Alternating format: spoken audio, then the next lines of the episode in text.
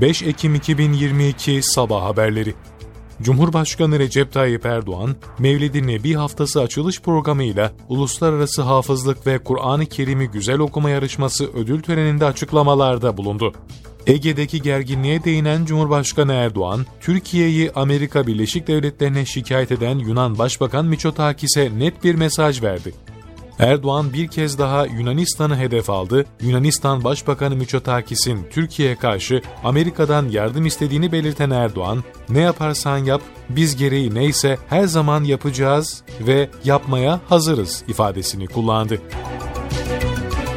Türkiye, Birleşmiş Milletler'e gönderdiği 17 Eylül 2022 tarihli mektupta Yunanistan'ın Doğu Ege adalarının gayri askeri statüsü ihlaline dayanarak gösterdiği temelsiz iddiaları güçlü hukuki argümanlarla çürüttü. Diplomatik kaynaklardan edinilen bilgiye göre Türkiye'nin son dönemde konuyu hukuki tezlerini detaylandırarak Birleşmiş Milletler'e taşıması Yunanistan'ı son derece rahatsız ediyor.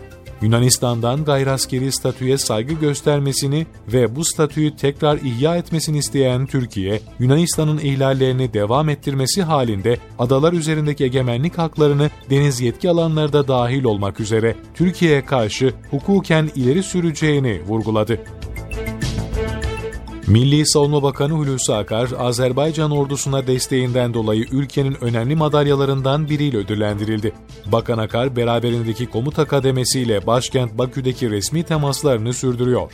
Gösterilen ilgi ve misafirperverlikten dolayı teşekkür eden Akar, Türkiye ve Azerbaycan'ın asil Türk milletinin geleceği, güvenliği, refahı için gece gündüz demeden el birliğiyle çalıştığını belirtti. Ukrayna ordusunun Herson bölgesinde 4, Harkiv bölgesinde de bir yerleşim birimini Rus güçlerinden geri aldığı bildirildi.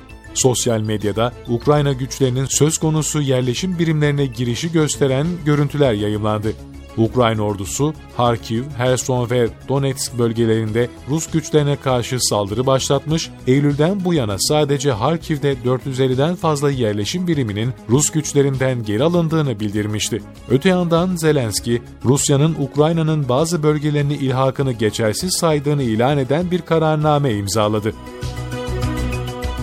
Rusya Savunma Bakanı Sergey Shoigu, ülkede ilan edilen kısmi seferberlik kapsamında 200 binden fazla kişinin silah altına alındığını bildirdi.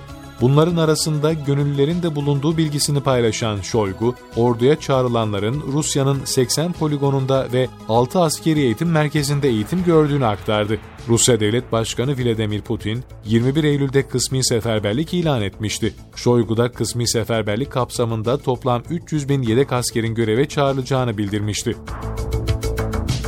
Almanya Başbakanı Olaf Scholz, Avrupa Birliği'nden gelen eleştirilere karşı Almanya'da enerji fiyatlarının düşürülmesi gerektiğini savundu.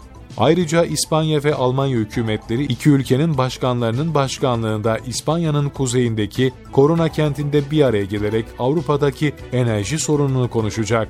İki ülkenin 9 yıl aradan sonra ilk kez gerçekleştireceği hükümetler arası zirveye İspanya'dan Başbakan Pedro Sanchez ile 8 bakan, Almanya'dan Başbakan Olaf Scholz ile 7 bakan katılacak.